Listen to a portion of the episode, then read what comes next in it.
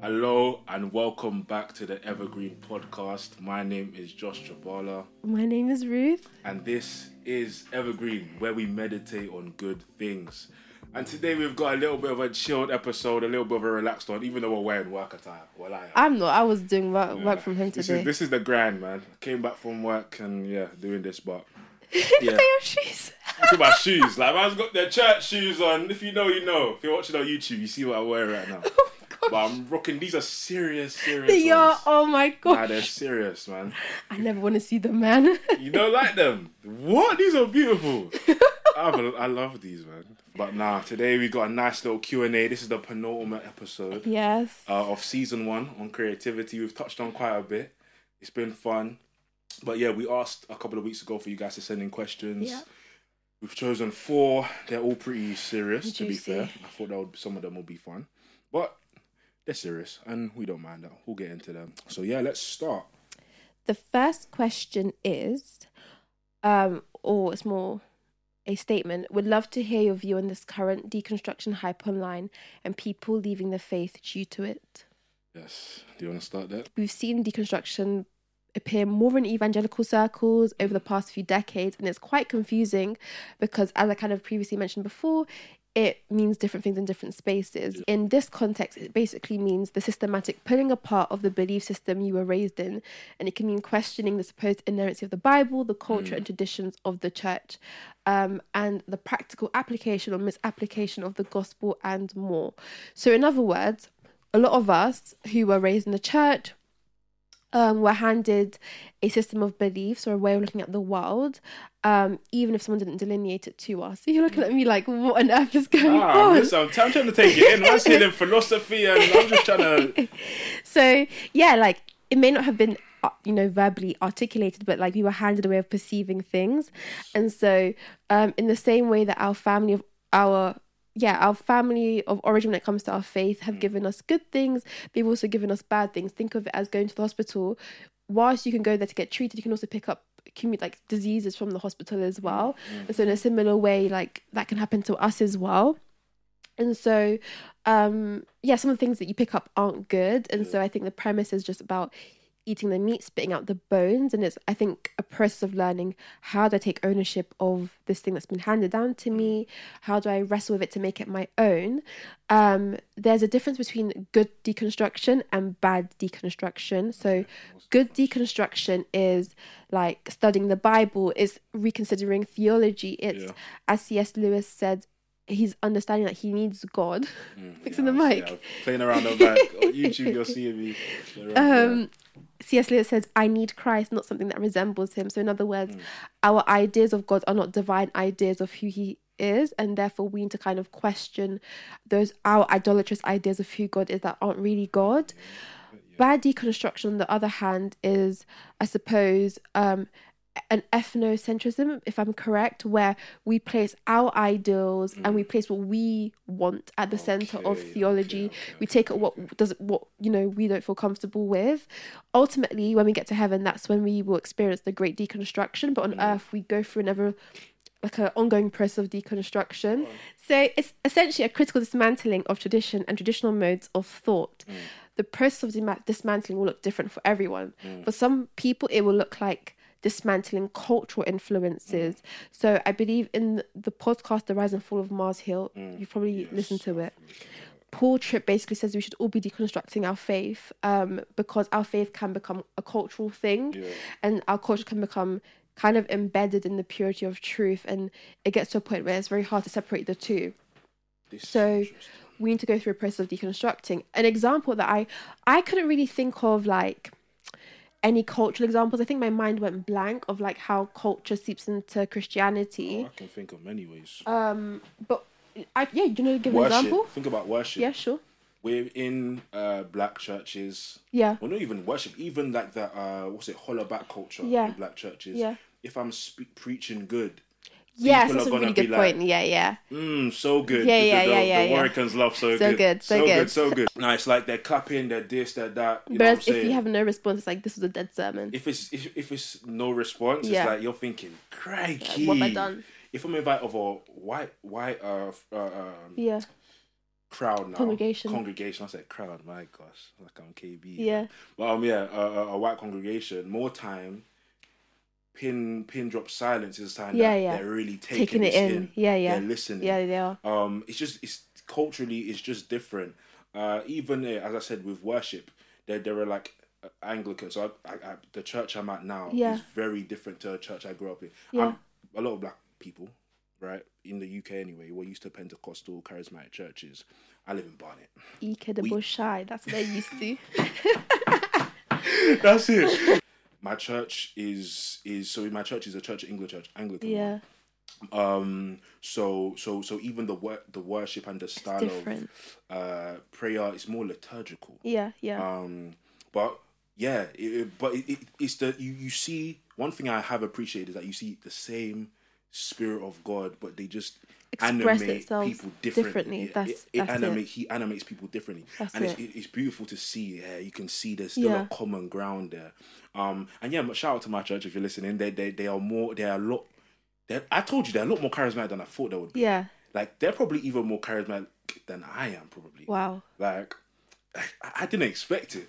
You know what I'm saying? But I love it. It's great because one thing that Dr. Vince Bantu speaks about is how the revelation of Christ as Lord, that is that is a work of the Holy Spirit, right? That is him.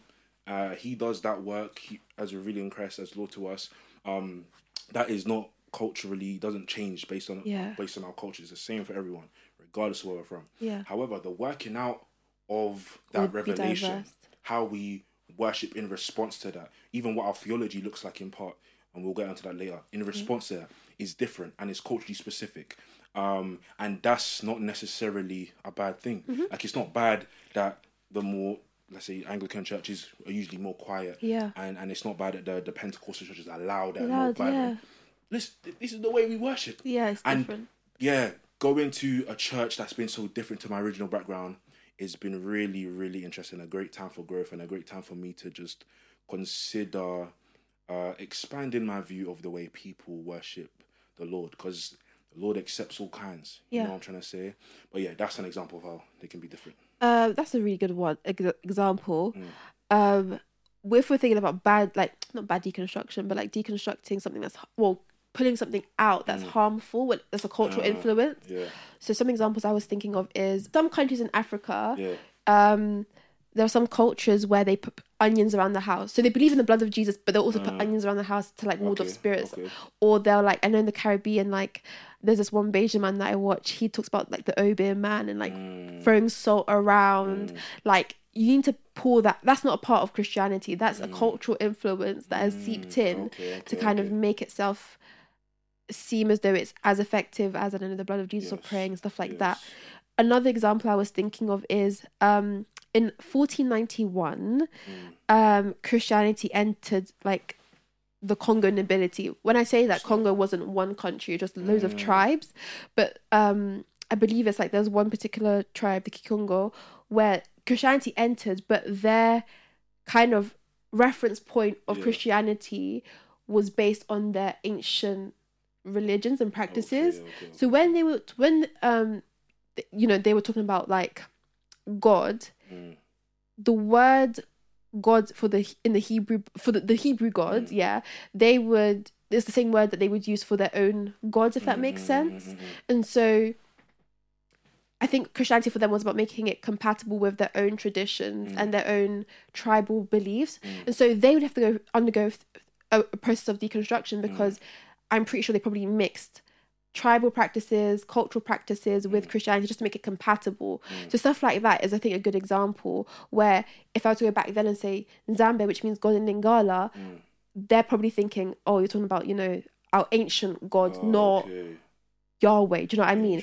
However, luckily now, if I say Zambian Christian spaces, Mm. in Congolese Christian spaces, they know, okay, yeah, she's talking about the God of the Bible. But that Mm. word originally came from the word they used to refer to their Mm. ancient gods, basically. So I think it's like pulling apart and weeding out That's where interesting. culture has seeped in. because even you could even with the faith we've adopted Yeah. there's influences From from, the our culture. past from culture Yeah. um so it's a really really interesting one i think it also speaks to the fact that yeah there are some aspects that that, that the lord will redeem but uh, the Lord doesn't call our culture necessarily all of it in it in its entirety bad. And what I mean Yeah, by that is good. like in Revelation seven, for example, it speaks about how every tongue, every tribe, every Yeah. nation is gonna be worshiping Yahweh. So it's like there are parts of our ethnicity. Uh, which is the entire to our culture, which the Lord of celebrates and is going to enhance Yeah. and and going to fulfill in a, in a sense. Like He's not stripping our culture away. No, he's I'm not saying that. At Yeah, all. yeah. It's just the, the the aspects which are harmful. Purifying, maybe. Yeah. What's the better? I don't know the word. Sanctifying. I don't know. I don't know what. But it's like it's it's, it's going to be enhanced. Like there's gonna be people speaking, praising the Lord in in I don't know Yoruba, in Bamba, Yeah. in English, in German. Do you get what I'm trying Yeah. to say? But yeah, it is interesting. Like there are certain aspects of our faith that we that we need to consider. Like what is problematized even just towards i think cultural attitudes towards sex for example Mm. like how that's we have to kind of really deconstruct i'm Mm. not saying now go do whatever you want but i'm saying a lot of the attitudes espe- a lot especially for like african Mm. people of african descent it can be quite harmful where you're very very like frigid and rigid and it's kind of like that's not what you're Man, meant you know it's what, not it's how, it's how it was it was never meant to be that way like you shouldn't be scared or you shouldn't be why are you so weird You know, about it's- it like what I, yeah, I hear it. Like a lot of people speak about that. Like you, you goes from no, no, no to No, I get sudden it, Yes. Like, like- how do you want to go from uh to uh? But I feel like culture has a bit like, especially for African, it has a big like Big they will really like scare you, and you just think, Mm. oh, especially like the spiritual warfare aspect. You know, I like sometimes I get into it. I'm like, oh my days, like just be- yeah, yeah, So like I feel like yeah, deconstructing that aspect. Mm.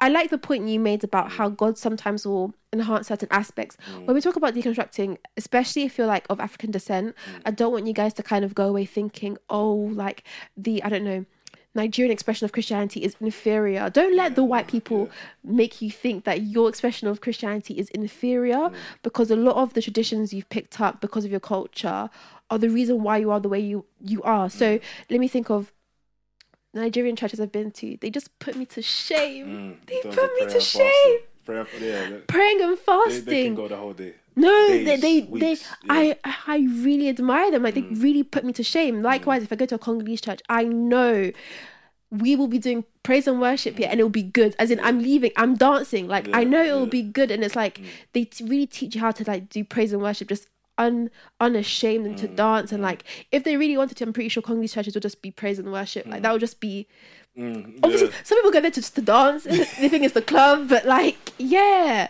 I just think there are so many beautiful things that you can just pick up and like embrace. Like don't let you know eurocentric ideas of african expressions of christianity make you think this is inferior or it's worse because they definitely have their faults as well. There was a podcast i was listening to and he was talking about like spiritual warfare and deliverance in white spaces and how like for a lot of white people um like evangelicals and, and methodists and calvinists and all those people like they refuse to believe in spiritual warfare. Even the bible talks about it and the Mm. reality of demons and principalities they will act like it doesn't exist and he was talking about how he'd go into like their homes mm. and there's definitely demonic activity but they'd be like mm. nah like you're just you're doing too much right now Yeah, that's what I'm saying. I was so surprised when I saw my church and I saw how they were really into all that stuff. They, mm-hmm. they gave me Derek Prince vibes. i love Derek you know Prince what I'm saying? yeah. Yeah. he's proper balance spirit and word, Word, yeah. both,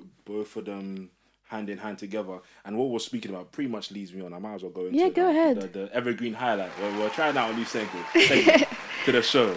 Basically, we want to highlight works like specific. Obviously, we speak about Yeah. works in passing, but specifically highlight works that have really touched us and blessed us, and hope that they will do the same for you also. yeah So every week we'll be doing them. Sometimes there'll just be authors and whatnot that we've read. Other times there'll be members of the community that will be highlighted because there's so many people out there just doing incredible stuff yeah that we want to shine a light on mm-hmm. essentially. So yeah, what we've spoken about so far. cultural influences Yes, cultural influences. So we deconstructing as a way of dismantling our faith, sad, but deconstruction as a way of you know Rebuilding. rebuilding your faith. That's a good way of putting it. Can be so Yeah. so fruitful. And a way in the black community we can rebuild our faith is by understanding that this is indeed not a white man's religion, which is an objection to Christianity that a lot of people had. So this is why I'm highlighting Dr. Vince Bantu. This is not Dr. Vince Bantu's book. This is Dr. Eric Mason's book. We'll highlight him another day. But essentially, the reason why I'm highlighting Dr. Vince Bantu today, he has a chapter in this book. But essentially, he's a what is he? He's an associate professor professor at Fuller Seminary School. Um, he has a PhD in. Hello, this is voice over Josh. Uh, Post production.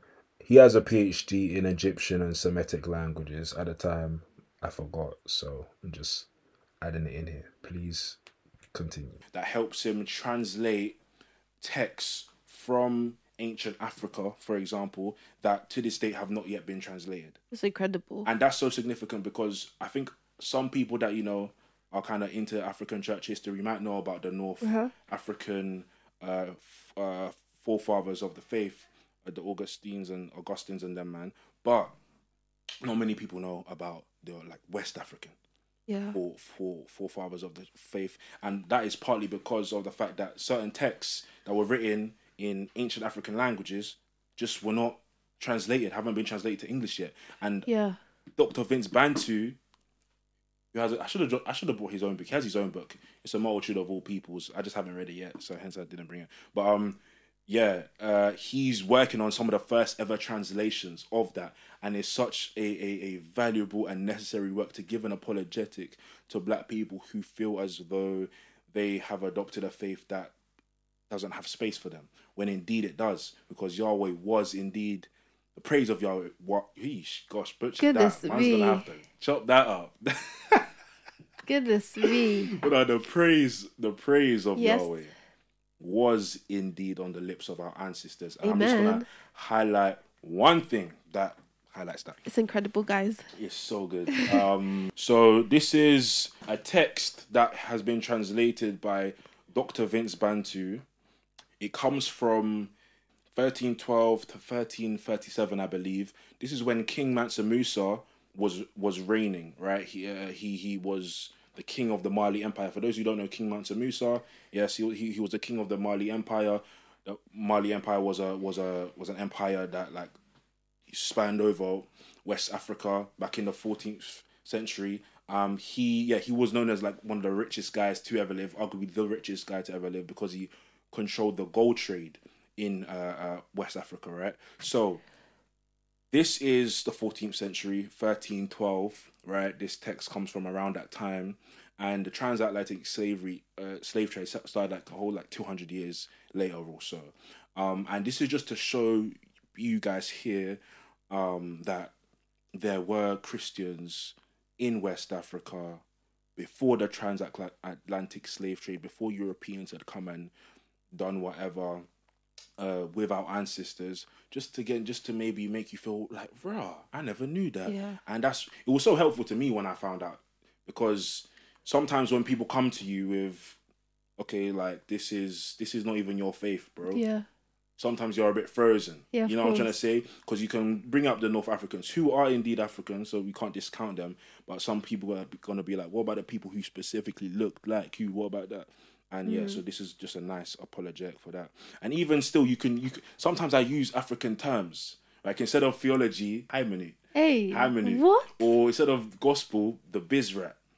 Like Okay, so 'cause- got it, Yeah, because these it. the, the terms we use even like theology. Yeah. This is like pro- derived from Latin. Yeah. Greek and You know- stuff. Yeah. You, you know what I'm trying to say? Like, Yeah. Yeah, eh, that's eh, nice. You know what I'm trying to say? If it helps you connect, Connect, more yeah. With the faith, faith. do these things. Yeah. Um. Yeah, and that language is Ge'ez, which is like uh the language that modern Hamrik. I'm butchering that. Hamrik is is based off. This is Ethiopian language essentially. Amharic. That's it, guys. Amharic. Sorry, Amharic. Uh, cool. So yeah, this is uh, an excerpt from King from a text written by uh, a, a, a Muslim historian at the time. I heard the magistrate Fakir al-Din, sorry if I butchered the Oh, name, dear. inspector of the victorious army, say, I asked the king of the Taka, the Taka was just a region within the Mali Empire, um, what is the source like where the gold grows among them? Then he said, It is not in our land, which is the property of the Muslims. Rather, it is in the land that is the property of the Christians of Taka, and he said, "Why don't we just uh, conquer the land by force?" And he said, "If we take them." If we conquer them and take it, it does not produce anything. We have done this in various ways, but we do not we have not seen anything in it, meaning no gold has been produced. But when it returns to them, it produces according to its average. This is a fascinating dynamic, and this is perhaps an increase in the dominance of the Christians or the Nazrawi. The Nazrawi is the uh, Ge'ez term for Christian. Again, you can use uh, African terms if you want to. So yeah, this is just saying that essentially at the time there was there, there was Muslims essentially they, they were reigning mostly, but uh, there was a there was a there was a Christian population within the land of Taka who owned who had or controlled a specific um, region of, of the gold produce and when they tried to take it it wouldn't produce but when they give it back to the Christians it would produce Yeah. but long story short that's not even the point of what I'm trying to say the point is we were here Yeah. we were here sir. that's We were, that's yeah. that's it. We were here, like, and I don't know, I don't know. I was, I was just so happy when I learned that. I was just so happy. Um, so hopefully that's made someone else happy. Yeah. Hopefully. It's exciting. If you do want to hear more about like decolonizing your Christianity, Yeah. then you can ask that question. It's a really good um yeah, like episode decolonizing Yeah. Christianity. we could do that in later seasons. Because yeah, we can do that in later seasons. But yeah, let us know. Um that is beautiful. Yes. Um, Good way of kind of rounding up that point about just dismantling cultural influences that are That harmful. harmful, yeah. um, in our faith. Um, another aspect of dismantling would be doctrine as well. So I think just gaining more exposure, the more you talk to different people, different, you know, um, Christian traditions, the more you kind of learn about different things, rejecting aspects of the faith that, you know, aren't um, conducive to our growth. It's not a rejection of the faith in its entirety, but more so just doctrines, bad doctrines, bad religion that, you know, doesn't serve us. I think with this, it's good to kind of note that deconstruction, we're not deconstructing Jesus, we're deconstructing bad religion. Like, mm. that's what we're trying to move away from. Yeah. We've, I think, confused bad religion for Jesus, and like, this process of dis- dismantling doctrine is, I think, moving the bad religion out mm. and unearthing and discovering who the real Jesus is. Yes, yes. In yeah, in summary, deconstruction as a way of revealing the pure, peaceable mm-hmm. Christianity of Christ, in the words of Frederick Douglass, is is is is a beautiful thing. But dismantling it to just get rid of the faith and whatnot, that that's it's, it's, it's, it's unfortunate. It's happening a lot, especially because there's so much misinformation that's being spread. Yeah. But there are so many incredible resources we have now at our Yeah, fingertips for to, sure. to help people going through that process. So if you are yourself going through that process, I hope you're going through it in Community. community with people that truly love you and are willing to answer your questions. Um, when I went through my own, it wasn't really a deconstruction. It was just a whoa, what's going on? Whoa. and it, funnily enough, it was at when I was at the height of my apologetics uh, endeavors, Yeah. apologetic endeavors, um, because the same lens you use to like kind of analyze culture and other faiths and whatnot, you kind of flip onto Christianity and you think, oh, Yeah. bruh, this is a bit scary. Um, but yeah, scripture does well christianity does stand up to scrutiny but i would say sometimes even though yes uh, uh, ask your questions do not uh, be afraid of your doubts should i say like i think Yeah. normalize that as a normal Yeah. trial of faith yeah, normalize it as a normal Yeah, trial of faith sure. like we all go through it but i would say uh, don't only be praying your doubts don't only be meditating on your doubts and how things are so uh, scary for you because with me when i would only engage in in apologetic stuff it, it just got in the end a bit like this is just weird like we can't forget that christianity is about us being introduced to a person to the to a person And if. I think if you have a if your mind can conceptualize God, maybe it's not the real God. Yes, I remember. Yeah, exactly. Like this is very much bigger than our minds can comprehend, Yeah. and as humans, we think if I can't fully comprehend it, then it must be false. But um, that's not fully the case. But yeah, I would say take take time to, in the words of Paul, to to, to think about good things, anything that's excellent, anything that's just, anything that is lovely. Think about these things also. It's like trying to how can I say it? You're trying to I don't know fix your the way you look in a mirror by just continuously just staring, at the mirror, yeah. just staring and staring and praying that you just I don't know your your face changes or you fall in love with your face one day. Like yeah. the more you you you focus on it and the more you centralize it the harder it becomes to to actually think about other things that are good that are just that are lovely etc etc etc so i would say yes engage your doubts ask questions do it in community um but also don't forget the actual person of christ like Yeah. because there's a lot around this. And i figured out very early okay we've been wrestling with this for 2000 years this is tiring Yeah. that's why my, my I, I, I enjoy like engaging in like things like discipleship spiritual formation i like that it's a Sure. apologetics thing it's a part of it but um It's not all of it. it's not all of it man so yeah Um, that is a nice segue into the last point. For some people, I think deconstruction um leads to departure from the faith. yeah And I think today, um, for a lot of people when they hear deconstruction, they kind of freak out because we've conflated deconstruction with deconversion, when in actual mm. fact, deconstruction is just a process. Deconversion is just a result, and it's one of the results that can end up happening because you go through a process of deconstruction. Mm. It's not the end result. Mm. Um, and I think for anyone going through like a faith crisis or just doubts, don't it doesn't necessarily mean that you don't believe. It's a mm. very valid place where you can actually encounter God. And in actual mm. fact, it may be that you do have faith because you desire truth, and that's why you're doubting. And no one who ever departs the faith, and I kind of want to speak about it compassionately, does so from a very academic, objective stance, especially if you were raised in a Christian home. Like, mm. I think it's a very hard decision to to make to kind of think, I'm going to leave. Um, and so I think for anyone going through that, I think if you're if you know someone who's going through that process of potentially considering leaving the faith, I think it would be good to just ask them clarifying questions as opposed to kind of of course you'd actually want to panic. If my husband said I want to leave the faith, yes, I'm bloody panicking.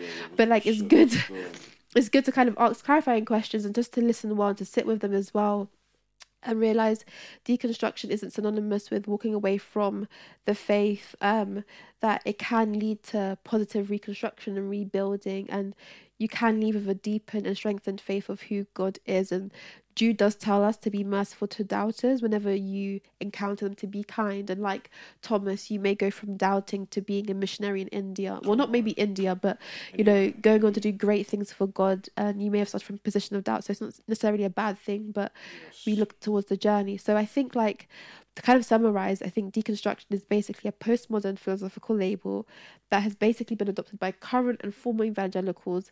For some, it means, you know, a faith crisis. For some, it means dismantling and identifying harmful cultural influences. For others, it is questioning and rejecting traditional doctrines and authority figures that, you know, have influenced the way they view the faith. And for others, it means eventually deciding, you know what, this isn't for me. Mm, I pray I pray the lie isn't the case for anyone but like Yeah, people go through different journeys of course, it's quite painful.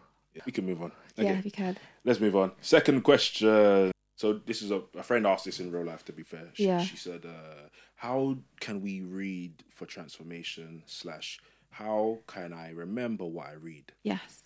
I'm so excited for this. I'm so excited. You have a great this. system. Guys, I'm gonna introduce to you the Evergreen reading system. This is a reading system that I've developed over the past couple of years that I've been reading. Uh, obviously, everyone knows, or a lot of people know Ali Abdaal. He's made so many great videos on how to remember, how to learn, how to read, and it's kind of been adapted because Yeah. yeah, yeah, you just I needed to adapt it essentially. So yeah, this is the evergreen reader system. So this is how good reads can become lifelong reservoirs of wisdom. Perfect. Let's, Let's get it. So it's a three step method. But before we even start, if you're a believer, right, if you're a believer listening to this, uh, this is even a challenge that my, my uncle Ben gave me. It's not my uncle. Shout out to he's Uncle like- Ben. He's like 28, but I call him uncle. Um, he says, make sure that your primary reading is scripture Amen. primarily. Like we need to be meeting with the Lord in prayer, in Yes. scripture, in worship, etc., etc., etc. So let your primary reading be scripture, even if it's 15, 30 minutes a day, whatever it is. Soak yourself in the word, meditate on that. Let that be the, the the primary book that is on your heart. Because if you're anything like me and you like reading books on discipleship, spiritual formation, and whatnot, um, then these books even become more alive when you've actually been when you actually are walking with the person you're Yeah. reading about. When you're walking with him, it becomes alive. When you're not, it's kind of like you're reading about someone you kind of know, kind of sort of right, and it's not they're not it's not as rich. Um, so yeah, as a believer, let your primary reading be scripture. It doesn't necessarily mean like okay, if I want to read hundred pages of one book, I must read hundred pages of Bible. No, it just means make sure you're you're in rhythm with the Lord. Essentially, cool. Cool. So the first step is to resolve to read good books multiple times. This doesn't necessarily mean that every book you're gonna read twice. Read the the, the point is that you don't have to have to read a book discard it. Or maybe the point is you don't have to obtain one hundred percent of the gems in a book Yeah. upon first time of reading. Yeah. That's what that principle helps with. Because you feel like oftentimes you can feel like I'm reading the book, I must understand remember everything, everything. first time, otherwise I failed. No. It's very rare that we have a deep, deep understanding of something first time we read it. Even if anyone who reads scripture, you know that you read one book, one week, you come back to it a year later, you think, Cranky, where was all of this Yeah. last? What the heck? This is a whole I new book. this. this is a whole new... but yeah, so a whole new book is a stretch.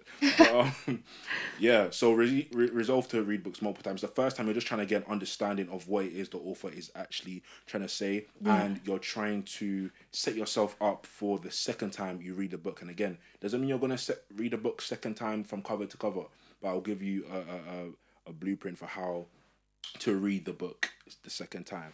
The first step is to prime your mind to find gold.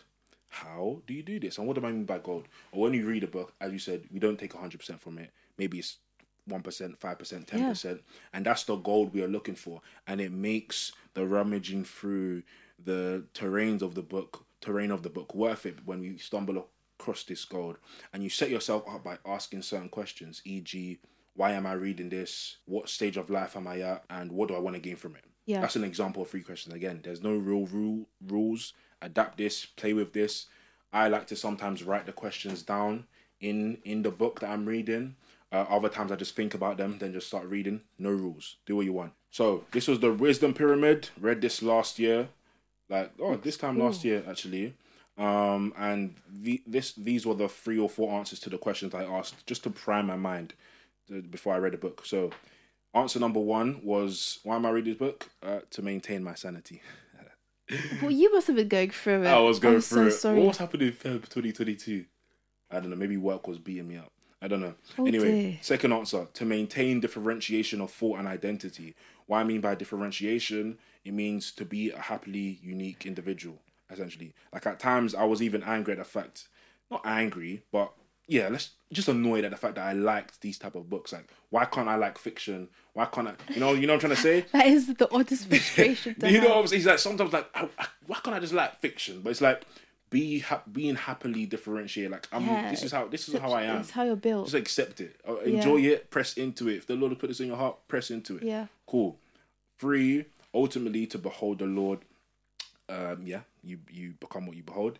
Uh, and then the last one was because wisdom is greater than information. I was an individual who just took in bare information, and it, it gets long. You feel almost full, uh, stuck with information. So I didn't want to do that. So that's step one. Prime your mind. Cool. Move on. Step two, you're going to take notes at the back of the book if if space permits. If not, you'll just use uh, Sticky an- notes and- sticky notes or another book, and you're gonna put these specific things down. One, the page number, like you're referencing essentially. So the page number and a quote that captures the thrust of what the author is trying to say, or an interesting question that will prompt your memory when you return to the book in the future. And yeah, this should be specifically linked to the section of the book that you are actually referring to. You want to do this sparingly. So not everything I highlight is gonna be an evergreen note. Okay. I, I call this an evergreen note. So everything I write at the back of the book, if you lot can see, No, I don't know if it makes out. But everything at the back of the book is called an evergreen note because I you can write in your book, you can write in the marginalia, but for it to be an evergreen note, it has to be particularly insightful or something that you particularly want to remember. Um, yeah. So let's get an example. This is for when this is just a beautiful illustration of why it is the Lord actually gives commands. So cool. So I turned to the back of the book because there's a part I remember there was a good part in the book about temptation, but I can't specifically remember where it was. Where it was. I want to go to it. I turn to the back of the book. I see oh page 230 how to resist temptation the essence of obedience. Oh, this is interesting. This might be it. To page. Flip to page 230. Ah, this is a great system. I'm sorry. I'm impressed. This is such a Really, guys, you should be taking notes. Take, guys, big man Take thing. notes. This is Well, I think we need to put this on Insta. No, I, Evergreen I reader you know system. what? This is so funny. Yeah, as you were talking, I was like, Josh is definitely gonna make this a real. He's going to make this into a real. Hundred percent. Um, okay. It is not techniques that will enable single Christians to practice the Christian sex ethic. It will take conviction. In the classic novel Jane Eyre, Jane has fallen in love with Mr. Rochester, but she has also learned that he is married and that his mentally ill wife lives in an upper room in his estate. Nevertheless, he urges her to live with him as her mistress. Okay. Boy. Dot dot dot. This touches off an inner storm and enormous conflict in her heart. So we've set the scene, right? Jane Yep. Irie or Eerie. There's a desire there there's a desire there to sleep with this man, to live but as his mistress. to live as a mistress, but he knows she has a wife. He has a wife. Yeah. I shouldn't be doing this, but this wife, she's ill. She can't please him. I can. But um anyway, let's go. no one should clip that. Um Hey, I embarrass you if I do. Sometimes I embarrass her. Okay, this is it. This is the inner storm. Ooh, the man never felt this one before. Gosh. While he spoke and girls. and girls, sorry, and girls, sorry, sorry. Women get tempted too. They want, they want. Sorry, sorry, gosh. Uh-oh. Goodness me. Um, while he spoke, my very conscience and reason turned traitor against me. Sorry, that sounds like a nice Sosa bar. that sounds. That's Sosa bar. They turned traitor. They, ah man. Shout Oh out. Come on, my guy. While he spoke, my very conscience and reason turned traitor against me and charged me with crime in resisting him. They spoke almost as loud as feeling, and that clamoured wildly. Oh, comply, it said. Thi- Think of his misery. Think of his danger. Look at his state when he's left alone. Remember his headlong nature. Consider the recklessness following on despair. Soothe him. Save him. Love him. Tell him you love him and will be his. Who in the world cares for you? oh, Jane Eyre, she, oh, my God. or who will be injured by what you do? Jane discerns different rooms or faculties Is that in how her you soul. think her conscience speaks? Yeah, I could. You wanted to put on a higher voice, like No. Jane discerns different rooms or faculties in her soul. There is conscious, conscious, and there is reason, and there is feeling, and they all rise up in and argue that they should do what Mr. Rochester asks. He's lonely. He's miserable. She should comfort him. He's rich. She, he adores her. After a life of hardship, Sugar surely she, she deserves this. But she resists what they all say. Now listen to this. This is where the faith of a believer comes in. Cool. Still indomitable was the reply. I care for myself.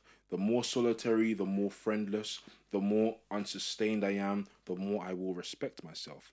I will keep the law given by God, sanctioned by man.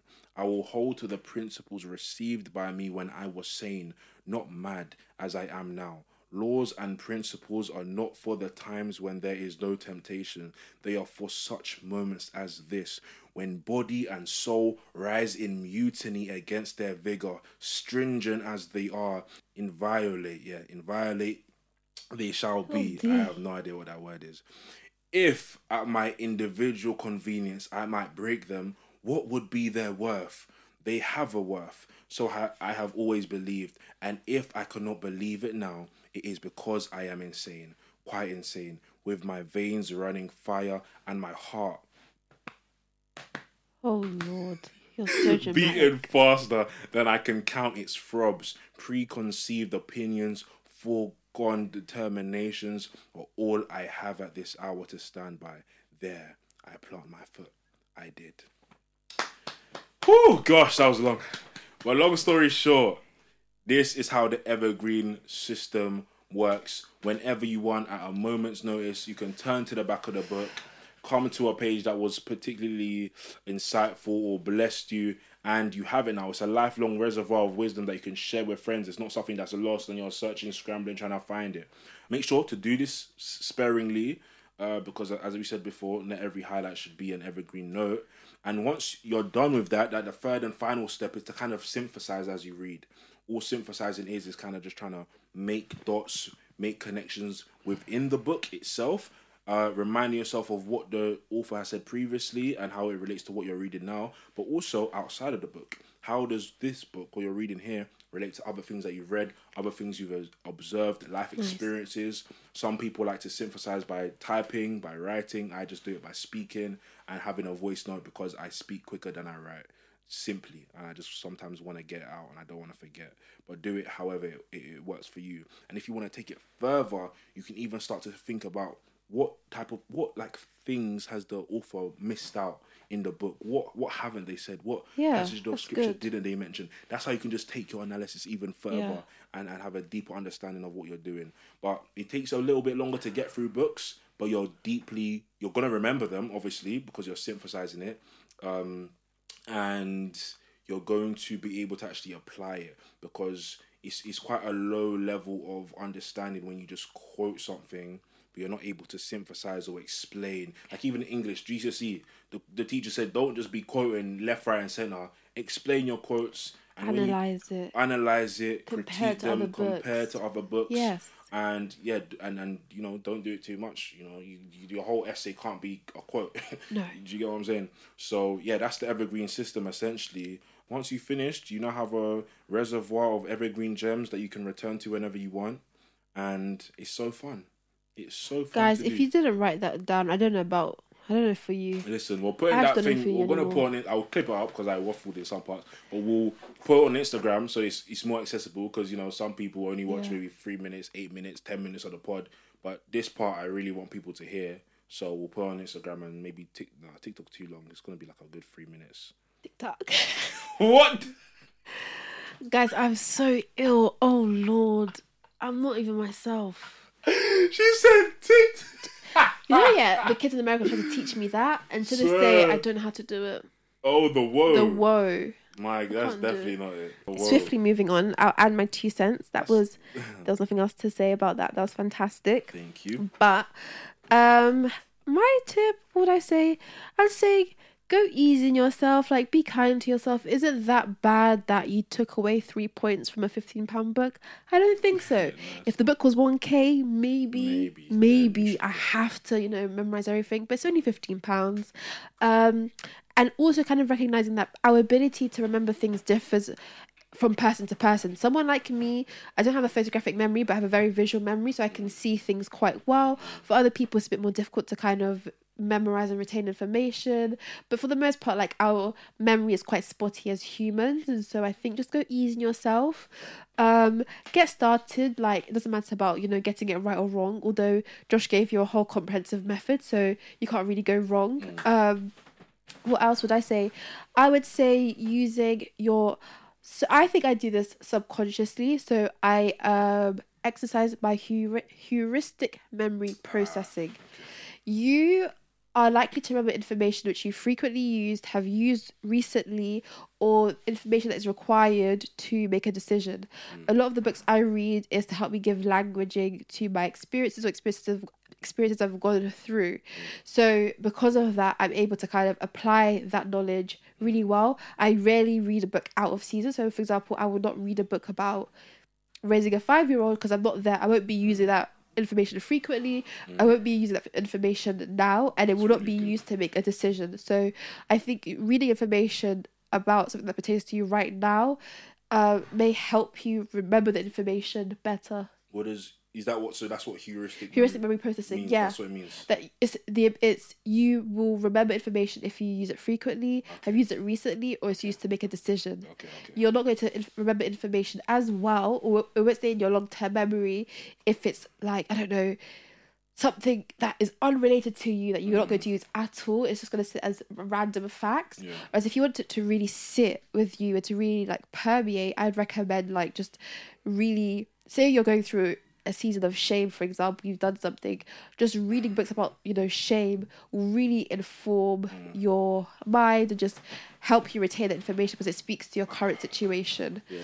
Um, what else? I mean, meditate on the book. I mean, it's synthesizing. Like, if you notice something that stands out to you in the book, write about it. Re- like, I'm someone who I process things internally, so just thinking about it, really kind of like just journaling, journaling about it, just kind of really squeezing out every ounce of information from that one quote that really stuck out to you. But um, my tips fail in comparison to Josh's um tips. So yeah, guys, that is the our responses to the second question. Fun. Good. Love. Move on to Patience in life. patience in life. That was literally the question. I'm not getting on to whoever said it. It's, it was so open ended and patience abstract. in life. Full stop. Not even a question mark. Oh gosh, Patience in life. So we'll just interpret that. Interpret that as broadly. how do we develop patience in life? How are we? How do we? How can we be okay with where it is that we actually are Yeah. right now? I'm going to assume this was also open ended. I'm just going to make a few assumptions that this probably pertains to this dissonance we experience between where you are in life and where you want to be, and also the deadline.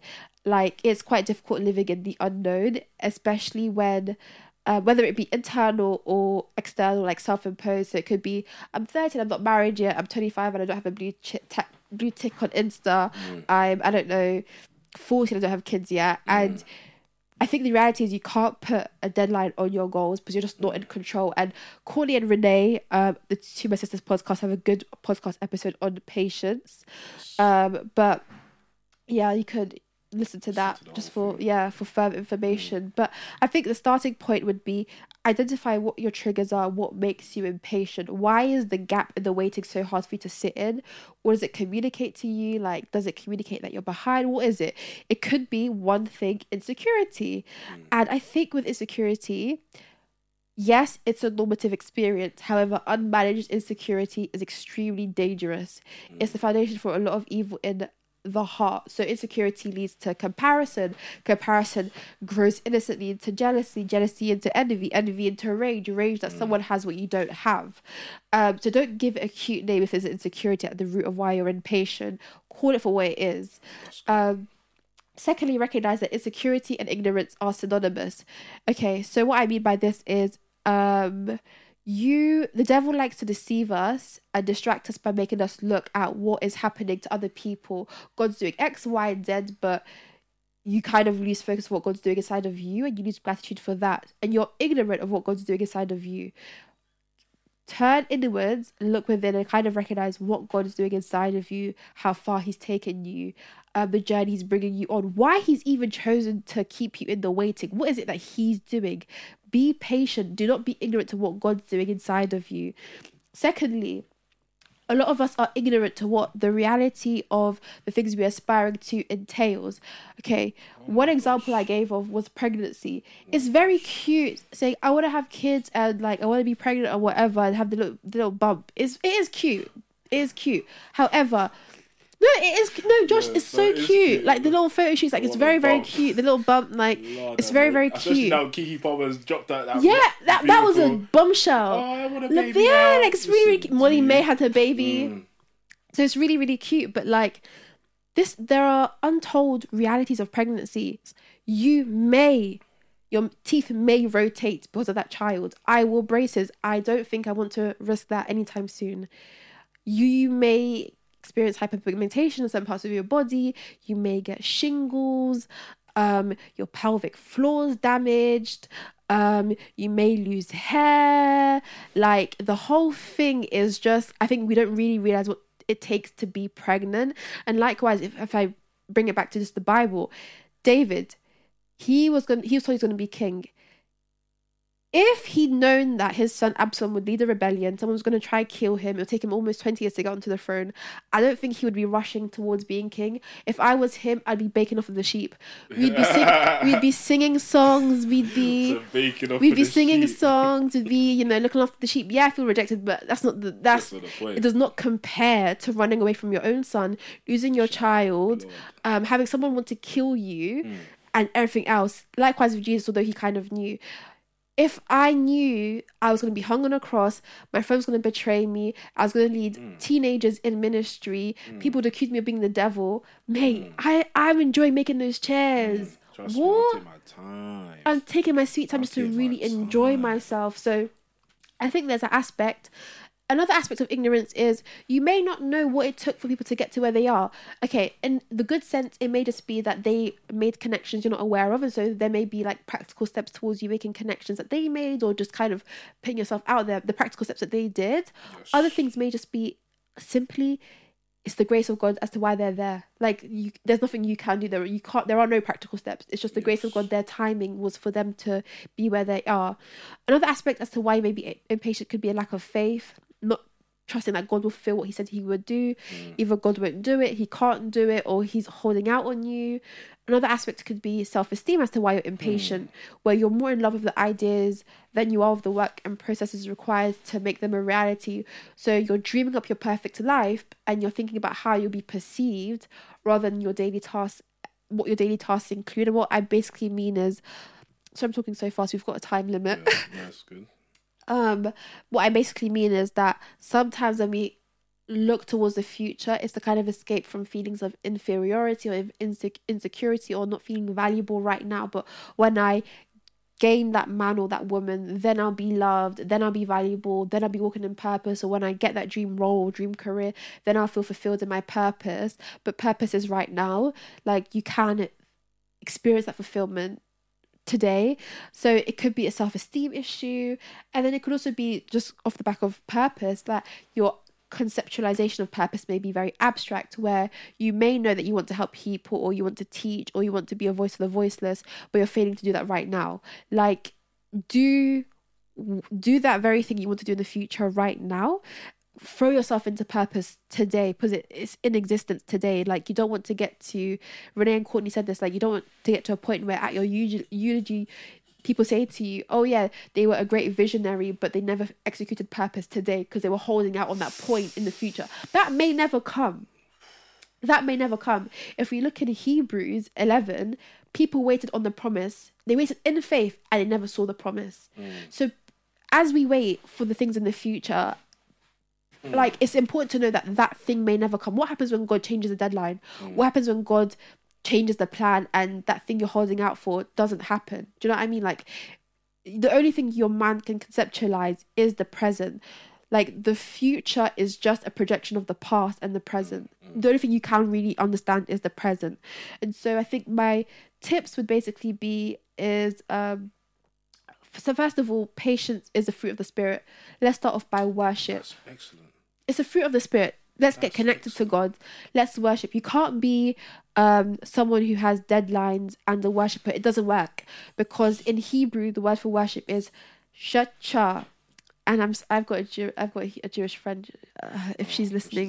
She's getting onto you right now. yeah. Anyways, anyways, I, I I butchered it, but it basically means to bow in respect and reverence. And if our lives aren't bound to holy aren't bowed to the Holy Spirit in complete respect and rever- reverence for God, then it doesn't matter how many slow songs we sing, we're not worshiping God. And worship is essentially just submitting to the fact that God is God and we're not God. And so our plans for our life um are ultimately decided by God, whether they happen or not um so first of all die to self worship like engage in worship not just sing songs but literally submit your life to god and say come to the point where you can confidently say even if this doesn't happen or even i don't care when it happens or even if it doesn't happen at all i'm still okay because what matters most is God and his purposes for my life.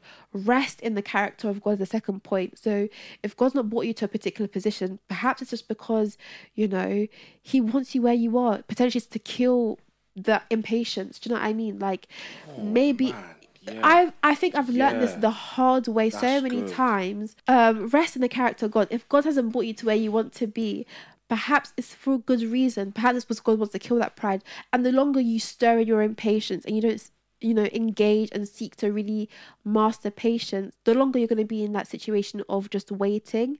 Um, if you know, perhaps uh, when I, so I'm in a situation right now where like I'm what 22 and like it's really I don't know what I'm doing with my life to be frank. Like I just don't know like I'm kind of like I'm kind of like asking God for so many different things just talking to God about so many different things about my career about my future. And the reality is I'm not hearing anything back. And perhaps it's because and I heard a, a sermon this morning from Bridgetown perhaps it's just not a priority to God. If I'm going to trust God's leading right now as Good Shepherd, I'm going to trust that the things He chooses to speak to me about and the stuff He chooses not to speak to me about are with good reason. If He chooses not to speak to me about my career, perhaps it's not His priority right now. I'm going to trust that whatever He wants to speak to me about is His priority, and I align myself to that. Um, it may just be that's not the right timing. Just trust, rest in the character of God. Get to grips with the fact that as a sovereign, loving God, He knows why He's kept you waiting. Um, and yeah, I think with the that aspect as well, Hebrews eleven thirteen, like there are people on earth who died without seeing the promise, unfortunately. And I think like yes, God will make promises, and I genuinely pray that you receive all those promises that God has given you. There's also an aspect where the promise may not come. The ultimate promise we should be holding out for is God Himself. Christ, yeah, 100. That's the ultimate That's the promise. ultimate thing. God may promise you marriage, okay, cool, but the ultimate promise is God Himself. Because the reality is, Hebrews 11 says there were people who were given promises that they didn't see them. let's just clarify the promise thing as well. So certain promises like um you being safe in the Lord, you being with Him, calm. That's Sealed. It's, Done deal. it's not gonna not happen, right? Scriptures, I think maybe Ephesians speaks about how the Holy Spirit is is a seal of our inheritance. Inheritance, yeah. The, the the marriage thing, Marriage, right? yeah. It's like it's not a guarantee. We want Bro, it. I've had prophetic words. Th- That's Okay, that's a guarantee. you, it has to. you. It Okay, has for- to be. Okay, I've not had none of that. But for No, like, but even still, it can. um, it can yeah, happen. it- Yeah, like like exactly. Like I would love to, of course. Like even now, I've, I've prepared. I, said I've prepared. I read on fatherhoods. I read on marriage. That's like even so the meaning of marriage. Like it's so, it's something that naturally I want You to start want, thinking yeah. about. However, I have to be okay with the fact that It may maybe, not happen. That, does, that doesn't mean I just bake off and just wait. If it No, happens, no, don't no, happen. no. No, like a, if I want it to happen, cool. Be act. Be you know. Be be Proactive. Be, you know what I'm saying. Be proactive. Don't just, just sit at home in a corner. Guys, start DMing him. Whoa, hey, whoa, hey, hey, Yeah, hey. that's revenge for last time. don't time. do that. hey, hey, DM's shut. But um, my DMs are closed, bruv. Don't do that. that. DMs are closed. if they open up again, I'll let you know. No, I'm joking. Um, Not you flustered. uh, gosh, yeah, that. Uh, yeah. Promise so- of marriage. Promise of marriage. Like it's like no, like we are promised a marriage. Like, yeah, to the Lamb of God, but uh, like an earthly here- one. and even that is an interesting thing because Paul, like in scriptures, like Paul says things like if you're burning, marry. So he he he, he like puts a lot of uh responsibility in the hands of the person who wants to No, but married. it's you know like also the market is quite. Let's not even get yeah, into this. that's the thing. It's like you don't just want to be married because the no, fact is anyone can get married. If I could be married in 24 hours, if I drop my standards low enough. yeah, So could you, you if you just if you just walk on the road and say who wants to marry me? Okay, maybe not. Go to a website. There might be some funky funky website. You could be married tomorrow if you want to be. yeah. If I really want. wanted, you don't just want I'm to be married. desperate. You want to be loved. You want to be intimately You want known God's by will. someone, and ultimately you want God's will. That's what you want ultimately. So, man, I hope we've hope we haven't butchered that. Yeah, I don't think we have. I don't think you have. think a bit more practically add checkpoints to your journey so um you know take baby steps it may not be okay cool with modeling um i may want to be on the runway one day in the future rather than kind of like being impatient about the day i'm on the runway lord willing if that's what he wants i'm going to take small steps and say mm, my first goal would be to walk my first runway this year just make small actionable steps that will help me track my progress over time to make the wait less anxiety inducing um I something I do is sit in my discomfort. So if I'm really frustrated about where I am, I literally just sit down and say, okay, cool. It is what day is it? It's Monday the thirtieth of January, eight twenty two. um, I'm 22 years old and just really center myself and just sit in my discomfort and my uncomfortable feelings and just embrace it. Because the longer I run away from it, the more it's going to build. The reality is, I'm going to look back 10 years from now and think, why was I in such a rush? Like, why did I, as uncomfortable as it was, why was I in such a rush? Like, I had what? So much time to sleep. Now I have kids and like I can't even sleep anymore. So really just sit in your discomfort and realize that there'll be a moment where you look back and think, what like what was I so anxious about? Um but two scriptures I would leave you with is Philippians four thirteen, which uh, just talks about contentment in, in all circumstances. And Paul learnt to do this. It's something you learn to grow in. God gives us strength to learn, to learn to sit in contentment. It's a process. You you won't be perfect at it, but I think give yourself grace that you know you're going to learn how to grow in contentment. And then finally, Colossians 1, 11, which is patience demands tremendous inner strength. So and that strength comes from the Holy Spirit Himself. So um, that's ultimately what I would say. Yeah. I think that's My gosh, that was very Yeah. comprehensive. Ruth said a lot of beautiful stuff. What I heard was one, consider the the nature of Christian growth. yeah, It's not always like for for, for some people, patience can look like oh, I want to be like kind of known and in the limelight now. Like a lot of Christian growth growth is downwards. downwards. It's not seen. It's not seen. In the words of again Uncle Ben, he says, "My brother, grow into the soil, grow into the soil, down, down, deep, wide. Right? Don't just. It's not every day. Just need to be seen, seen, seen, Yeah. seen, seen. There's again. There's going to be a lot of things that we do with our right hand, our left hand will not see. There's going to be a lot of prayers we pray, tears we cry, deeds we do that nobody will see apart from the Lord, and we have to be okay with that. Yeah.